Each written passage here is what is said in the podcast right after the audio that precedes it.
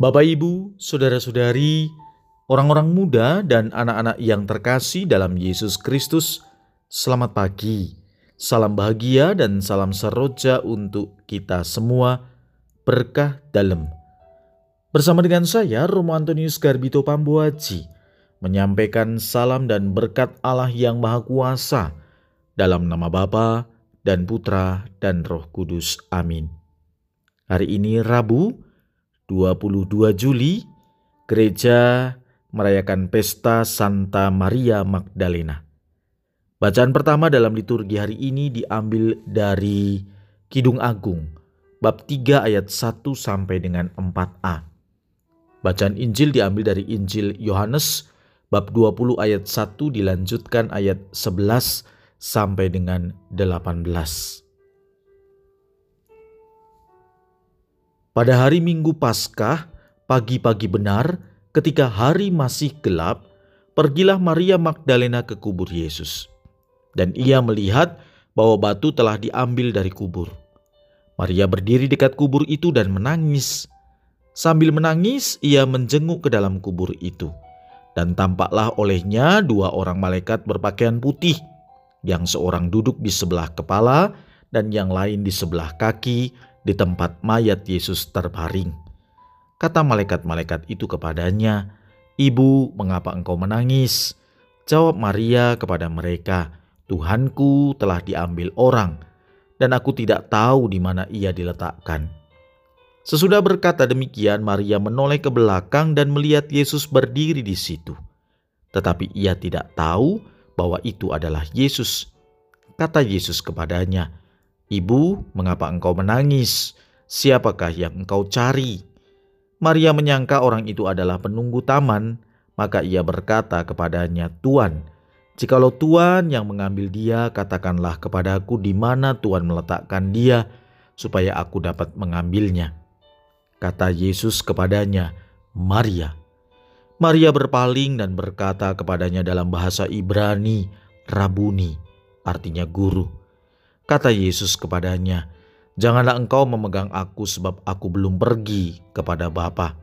Tetapi pergilah kepada saudara-saudaraku dan katakanlah kepada mereka bahwa sekarang aku akan pergi kepada Bapakku dan Bapamu, kepada Allahku dan Allahmu. Maria Magdalena pergi dan berkata kepada murid-murid, Aku telah melihat Tuhan. Dan juga bahwa Tuhanlah yang mengatakan hal-hal itu kepadanya.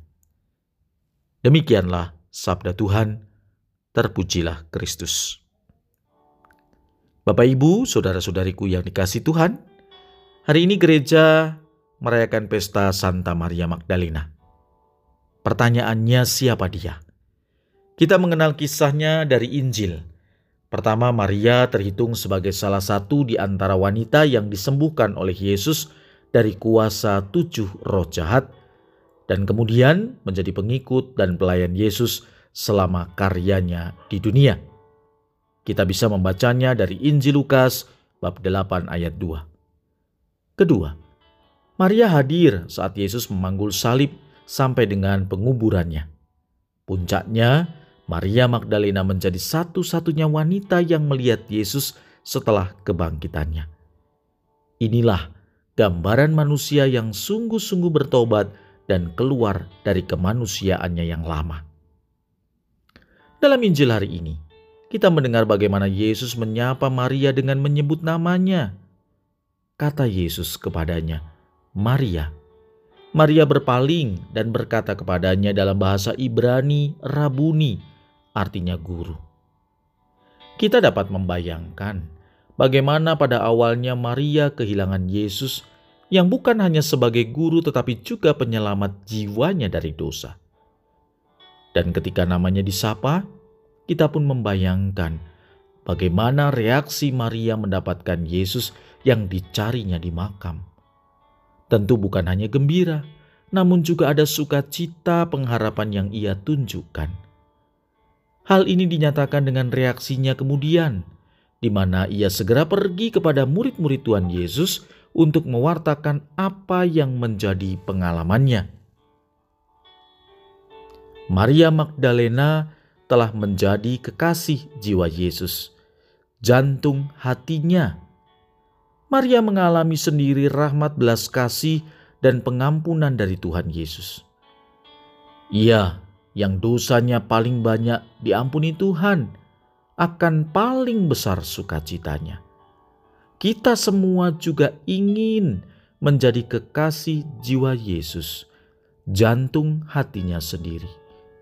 Maka, mari kita belajar dari Maria Magdalena, berani datang kepada Yesus, mohon ampun atas dosa dan yang paling penting adalah bertobat.